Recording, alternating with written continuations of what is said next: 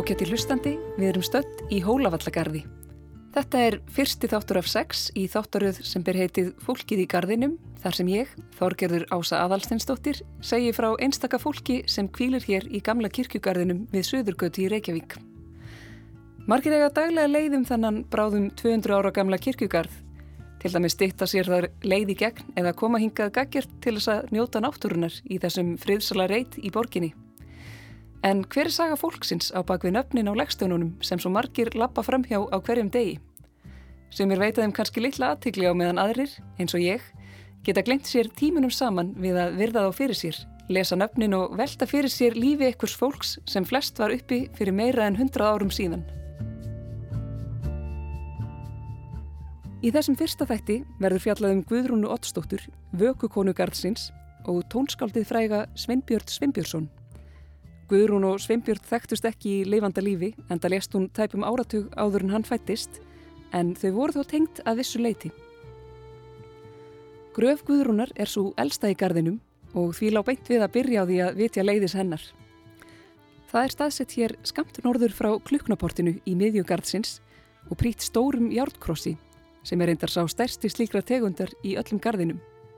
Fyrir þá sem vilja fylgja mér á staðin en ekki bara í huganum er reitsnúmer hennar T405.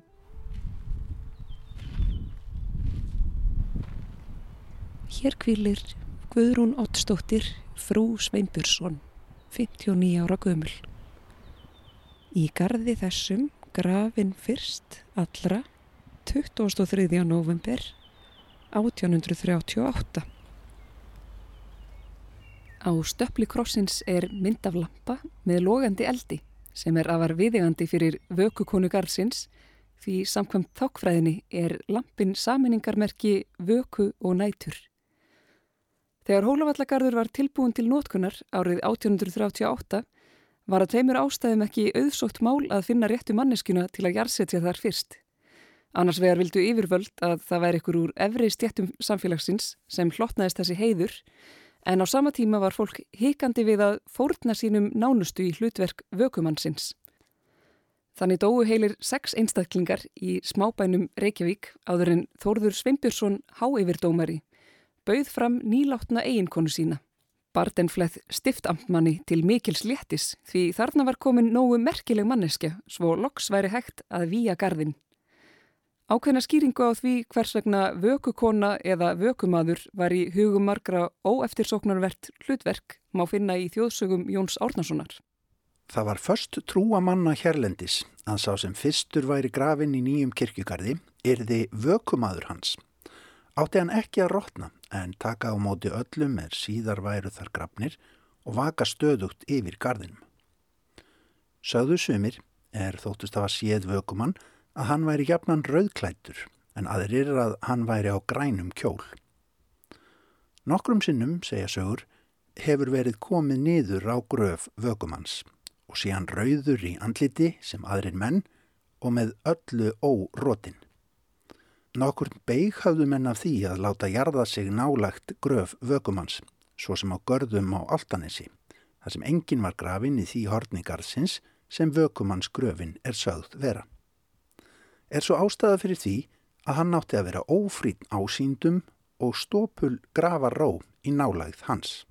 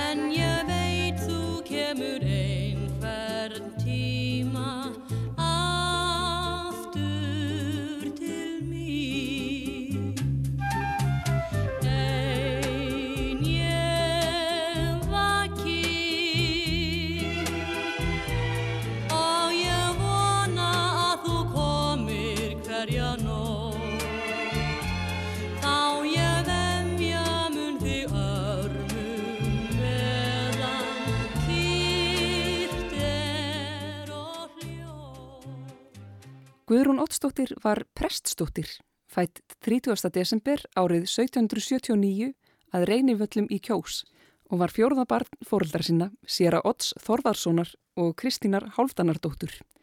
Af heimildum að dæma var æska hennar góð og ólstun upp á ástríku heimili. Eitthvað tíman eftir fermingu fluttist hún svo yfir í næstu sveit þar sem hún gerðist vinnukona á stórbílunu Kvanneyri í Borgarfyrði.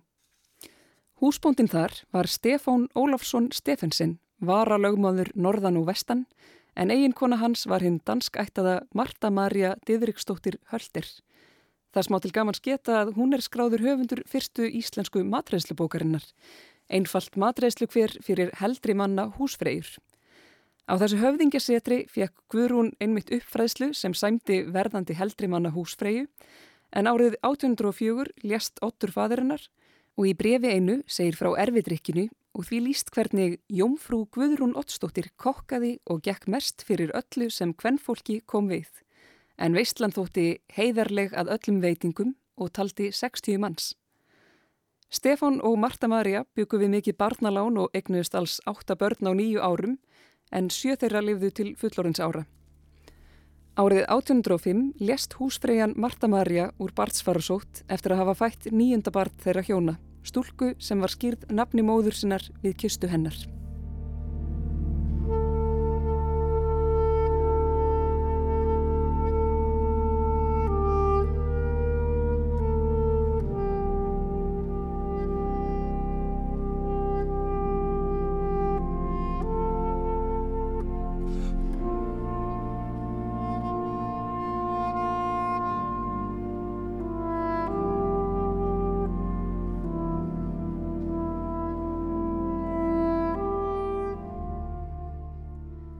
Ekki er ljóst nákvæmlega hvaða stöðu Guðrún gengdi á heimilinu eftir fráfall Mörtumarju en fimm árum síðar, árið 1809, gengu þau Stefánu hjónaband. Þá var Stefán 42 ára og Guðrún 30. Engi mann og en píi stendur skrifað við færsluna í preststjónustubók Kvannerasóknar. Þeim fætust þrýr drengir á næstu fimm árum en árið 1811 fluttust þau að kvítárvöllum og í mantali þaðan árið 1817 má sjá að 35 manns voru þá í heimili þar. Stjúbörnin sjö voru þá á aldrinum 13 til 25 ára og sínir Guðrúnar 3, 5 og 8 ára. Á heimilinu voru einnig fjölmörg vinnuhjú, kennarar og fóstrur fyrir barnaskaran, auk skrifara fyrir Stefan sem þegar þarna var komið sögu var orðin amtmaður. Stefan réðið meðal annars til sín bóndasónin Þórð Sveinbjörnsson sem skrifara, barnakennara og vefara en hann hafði getið sér gott orð sem vevari sem spilaði vist stóran þátt í því að hann fekk stöðuna. Í endurminningum Þórðar segir Að amtmaðurinn valdi mig eða falaði mun að mestu komið hafa af því að ég var orlaður sem góður vevari en kona hans, sem þá var eins og mesta umsýslu kona innan hús, var þá fyrsta völlum, í hinn minsta hér sunnanlands, farin að byrja með að spinna einfalda uppistöðu til vefnaðar. Hefur vist hvorki hann niður hanna grunað að ég myndi verða hennar setni maður.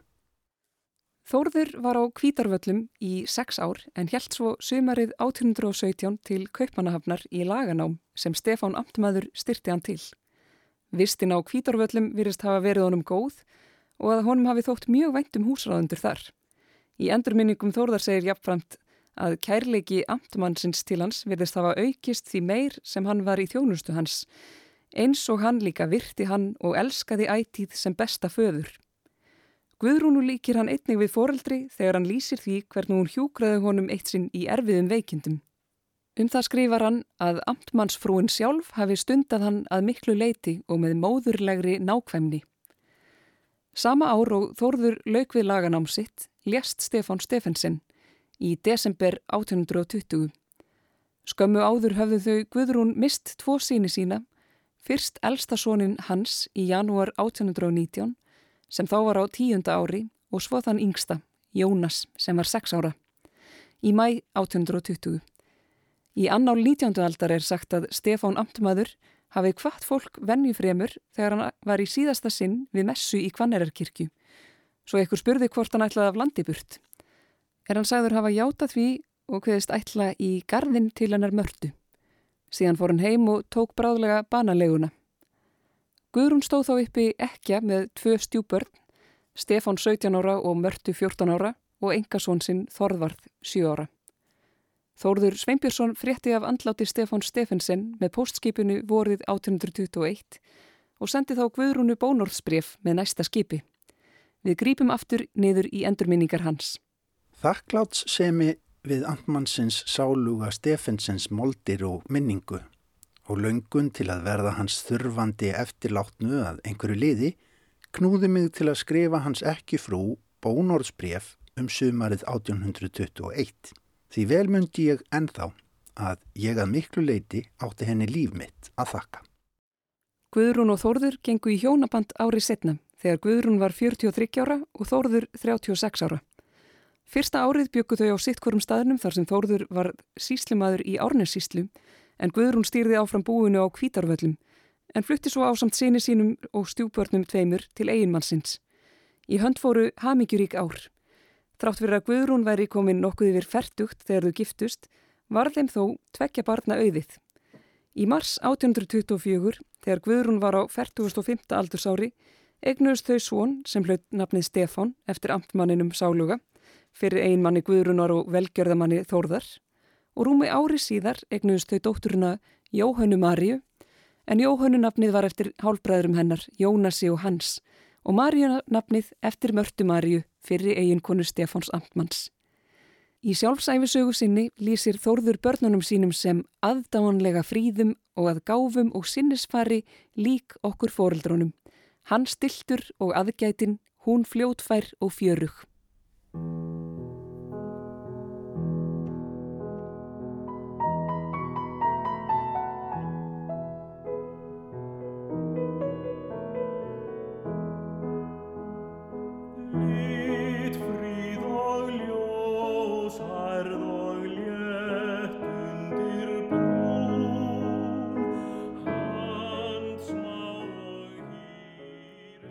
Árið 1827 dundu svo hörmugarnar yfir.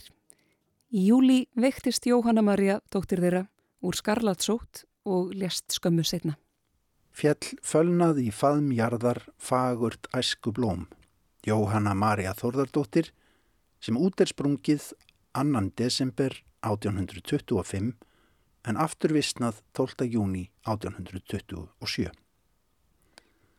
Við uppkomu sólar sveitt af nætur dögg, blöð út breytti sín, blómfögur rós, liftraði út litum, löfbúin krans, unun gaf auga, ilmun nösum, kvarlaði þangað að hvaðan vissi ei, ólifjun þrungin eitur patta, stakk bannvænum brotti í baðm rósar, var hún vissnuð burt, vart á dagmálum.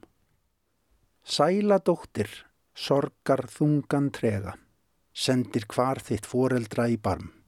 En við þekkjum alla drottins vega, elsku og náð, sá þangi deyfir harm.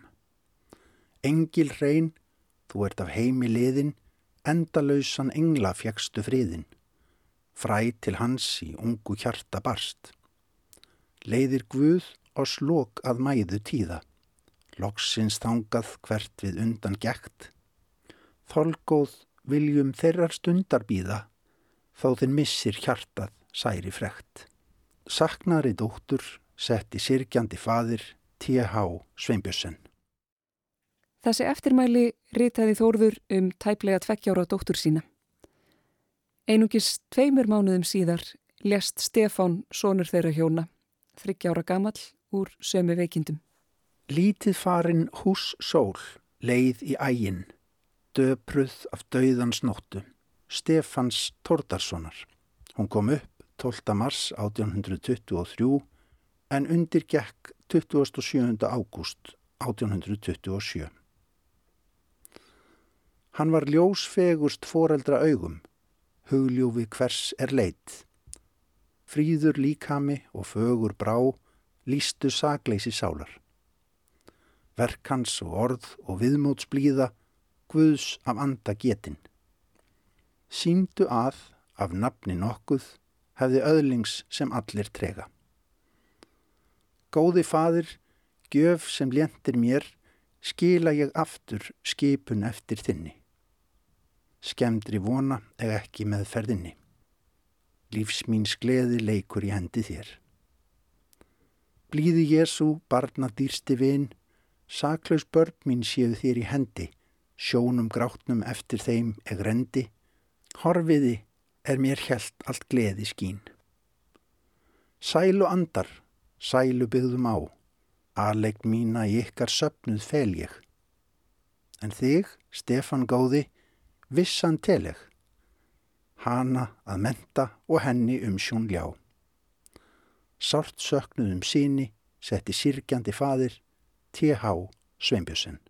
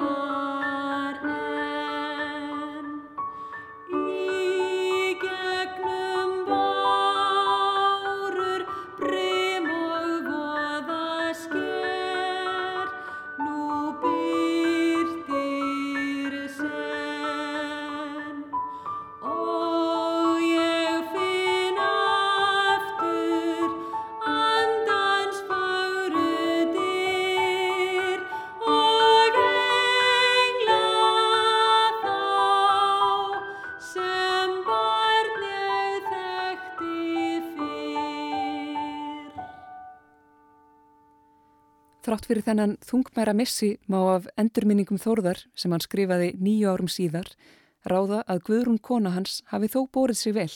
En hann skrifar Kona mín sem mist hafði ektamann, þrjá síni og eina dóttur bar þessar þungu forsjónarinnar álugur betur en ég og má þar til hjálpað hafa bæði þáverandi sinnis kjarkur hennar fremur mér og líka það að hún sem átti einn són af fyrra hjónabandi Þorvarð eftir en ég hafði mist allt mitt og von lítið vegna aldurskonu minnar að missirinn myndi bætast.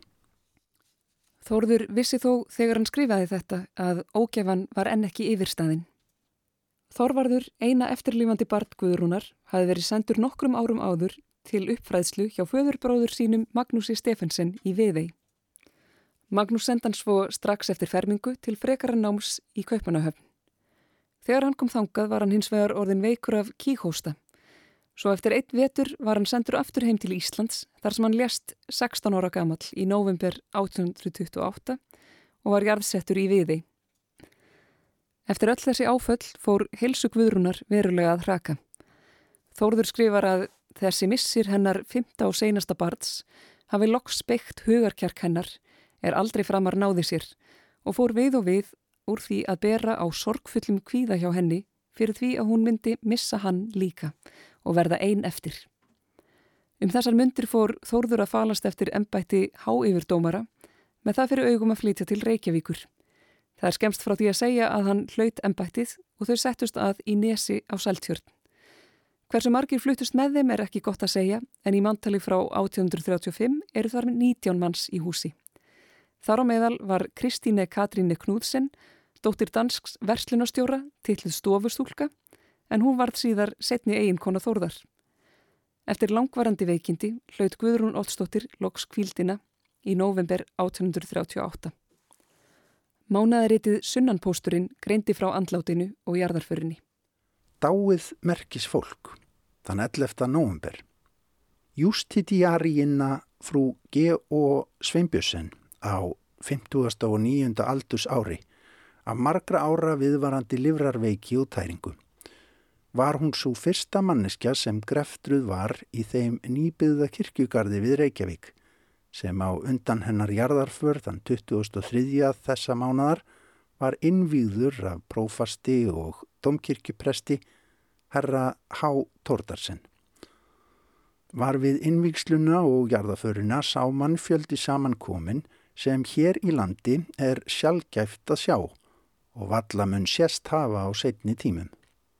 Hvoru tvekki þessi síslun framfór á svo hátilegan og alvöru mikinn hátt að það mun lengi í minnum aft af þeim mörgu sem við vorum. Skáldið Sveinbjörn Egilson orti eftirfarandi grafskrift yfir Guðrúnu Ottstóttur. Hér eru laðar leifar döðlegar reynkjartaðrar höfðingskvinnu frú Guðrúnar Ottstóttur Sveinbjörnsson. Er fættist 30. desember 1779. Giftist fyrr 1809 Amtmanni S.T. Steffensen Síðar, 1822, síslumanni í Árnesíslu, nú Justiarius í þeim konunglega Íslands landsyfirrétti T.H. Sveinbjörnsson. Var móðir fimm barna sem dóu á ungum aldri, deyði 11. november 1838. Tveggja höfðingja stitta sterk, stóð umra, móðir kær, lindis hrein, guðrætt, góðfús merk, góðkosta speil skær.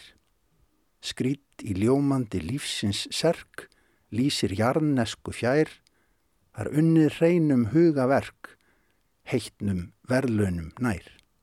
Hreinhjartaðir munu Guð sjá, Mattias 5.8, Setti S. Eilsson.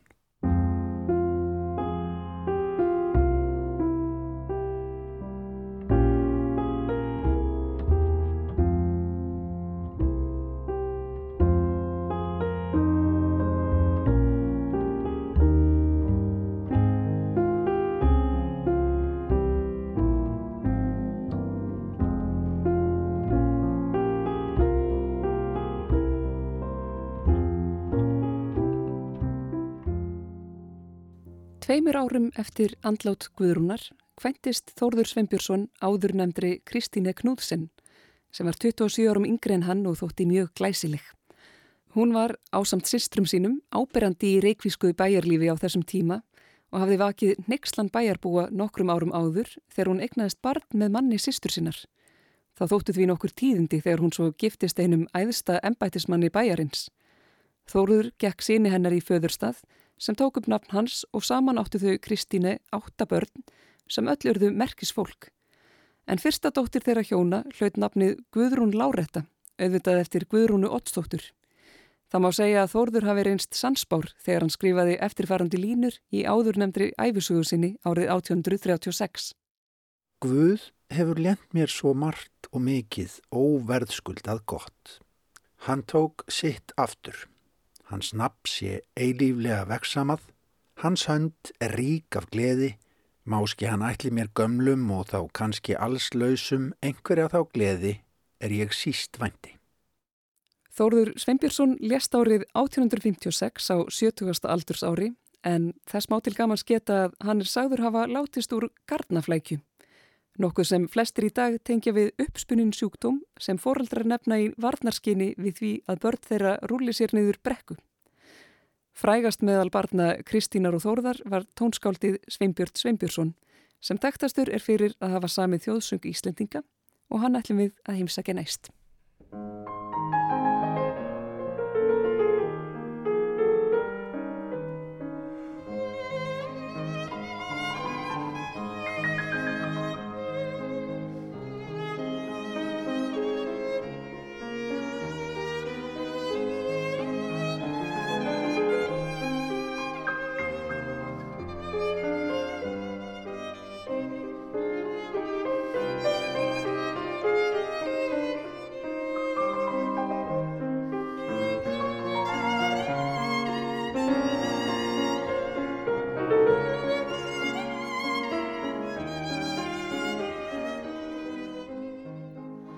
Leiði Sveinbjörn Sveinbjörnssonar er auðfundið, staðsett svo að segja upp við kluknaportið í miðju gardsins, rétt hjá leiði Jón Sigurssonar.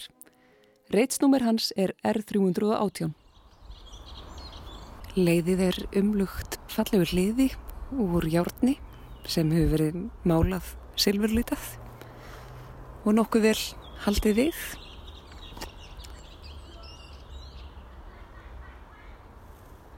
Myndarlegur stein úr Stuðlabergi á að gíska tveggja metra hár sem stendur uppréttur og á honum er falleg lámynd af tónskaldinu. Sveinbjörn Sveinbjörnsson, tónskáld. Ríkistjórn Íslands reisti honum stein þennan.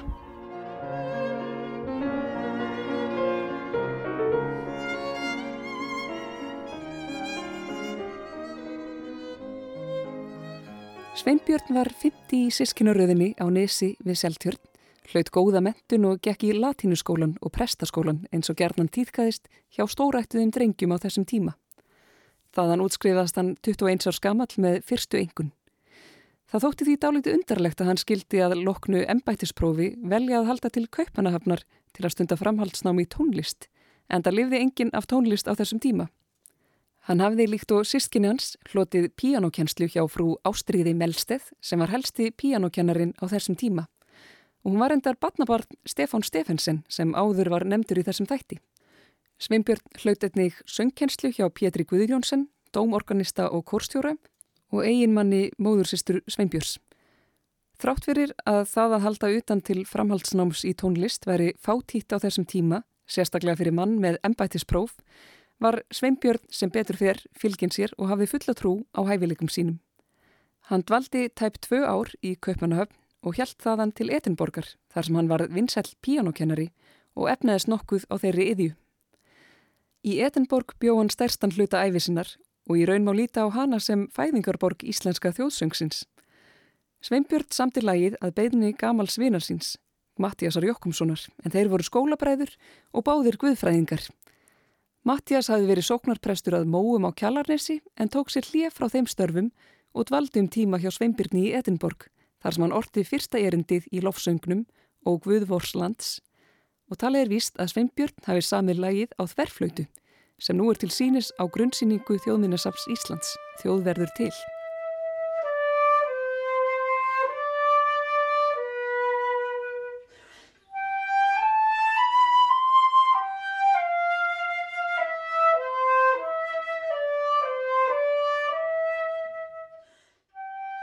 Hinn verðandi þjóðsöngur var frumfluttur árið 1874 í messu í Dómkirkjunni þar sem Kristján nýjundu konungur var viðstatur.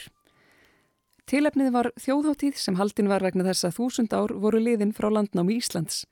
Þó stórskáldaborð við Mattias Jokkumsson hafi gerðnan verið sérstaklega beðinum að yrkja ljóð við slík tækifæri er rétt að taka fram að lofsöngin orti Mattias ekki að beðinin eins heldur af eigin kvötum. Það var ekki fyrir enn 70 árum setna við stopnun Íslenska líðveldisins að lægið var tekið upp sem þjóðsöngur Íslendinga. En þá voru liðin 24 ár frá dauða Mattiasar og 17 ár frá dauða Sveinbjörns. Það smá til gaman sketa að það var ekki fyrir enn árið 1948 sem Íslenska ríkið egnaðist höfundarétt að lofsöngnum og keipti hann á 2000 danskar krónur af útgáfu fyrirtækinu Vilhelm Hansen Músikforlag sem fram að því hafði átt allan útgáfu og flutningsrétt en það þótti mikið gleðihefni þegar þjóðsöngurinn var ekki lengur í eigu erlendra manna. Árið 1954 böðst svo ekki að Sveinbjörns Sveinbjörnssonar, hinn skoska Elinor Sveinbjörnsson, til að gefa íslensku þjóðinni upprunalegt lofsöngshandrit Sveinbjörns til varðveyslu og er það nú geimt í handritasafni landsbókasaps.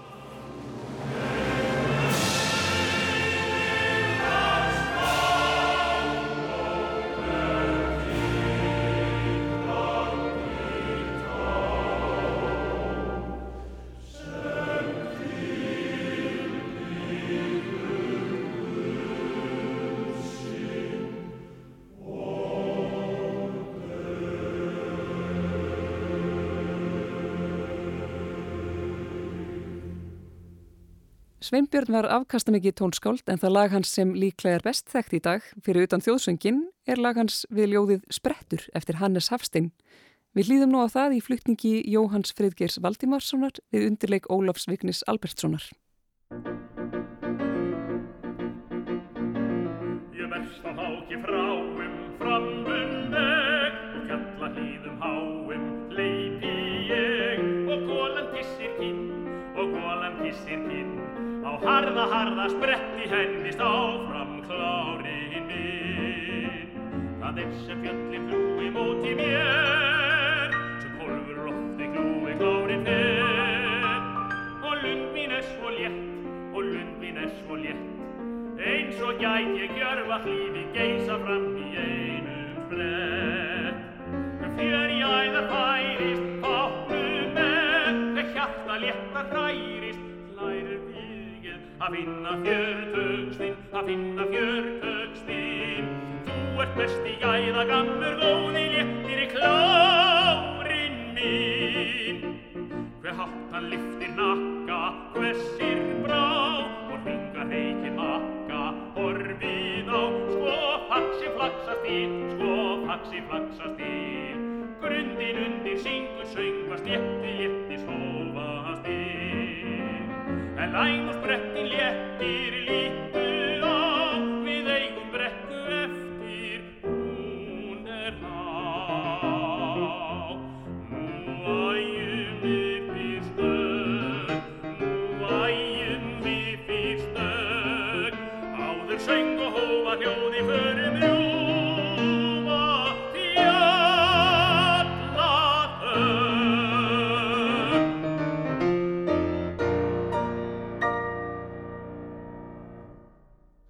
Sveinbjörn naut mikillar virðingar í lifanda lífi.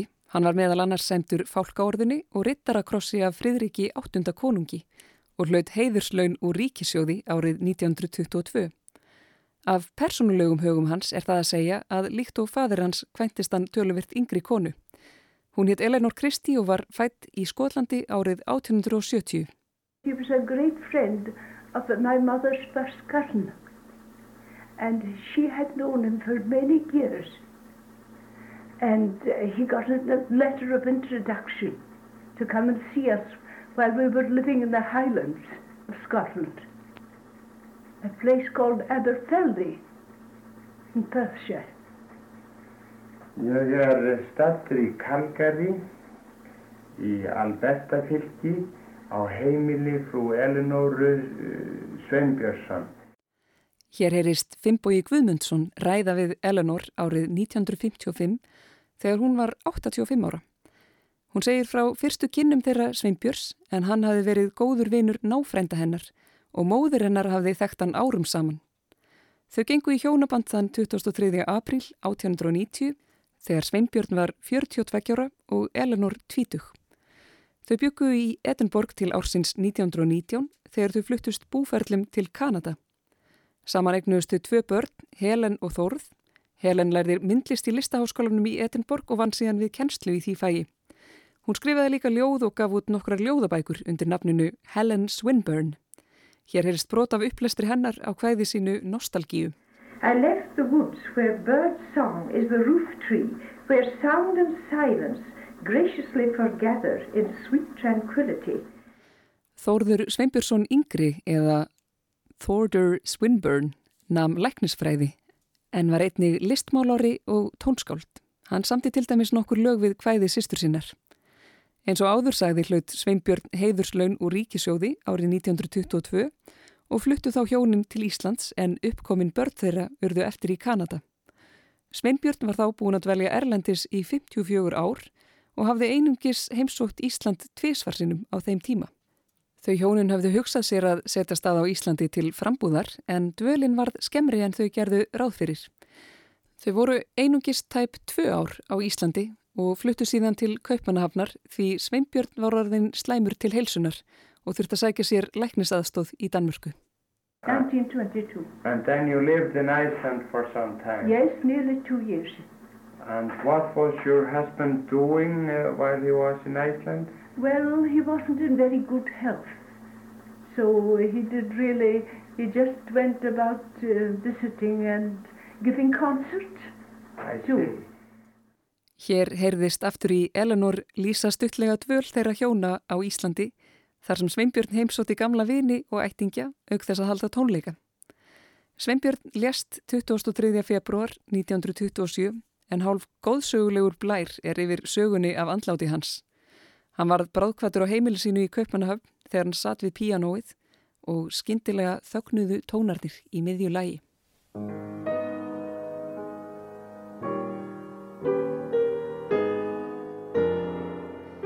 Lík hans var flutt til Íslands og hann var jarðsettur hér í Hólavallakirkjugarði. Það er einmitt nokkuð dæmigjart fyrir þennan tíma að merkilegustu Íslendingarnir bjögga ekkert endilega hér en eftir andlátið voru jarneskar leifar þeirra fluttar hingað. En þetta áumitt líka við um Jón Sigursson Forsetta sem kvílir svo að segja í næstu gröf við Sveinbjörn. Útför Sveinbjörns fór fram í Dómkirkjunni að viðstötu fjölmenni en í frásögn einni af henni segir að þar hafi meðal annars verið 50 konur í skautbúningi er komið til kirkjunar í einni fylkingu. Við aðtöfnina var þjóðsöngurinn fluttur í sömu kirkju og hann hafi verið frumfluttur. Eleanor var viðstött útför eiginmann síns hér á Íslandi en það voru börn þeirra hins vegar ekki. Í áður nefndu viðtali á heimili frú Eleanor í Kalgari árið 1955 kom fram að kvorugt þeirra hafði nokkur tíman komið til Íslands. En árið 1970 byrðist viðtal við Helen Sveinbjörnsson þar sem hún var loksins komin til Íslands 78 ára að aldri, meðal annars í þeim tilgangi að heimsækja leiði fóreldra sinna. Eleanor móðir hennar hafði þá látist ári áður þegar hana skorti aðeins nokkra mánuði í að ná 100 ára aldri. Hún hafði þá verið ekki í 42 ár en aska hennar var flutt til Íslands og grafin í reit Sveinbjörns.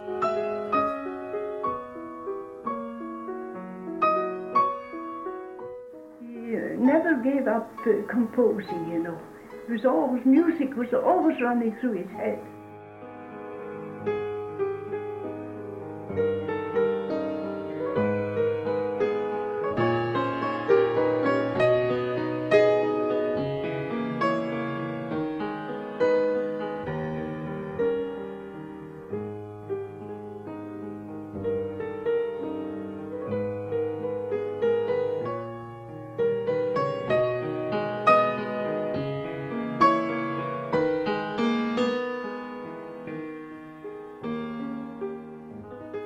Varst að hlusta á útvarpstáttin Fólkið í gardinum, þar sem sagt er frá fólkinu sem kvílir í Hólavallagarði, gamla kirkjugarðinum við Suðurgötu. Í næsta þætti verður við til að leiða skáldana og feðgana Benedikt Skröndal og Sveinbjörns Egilsonar.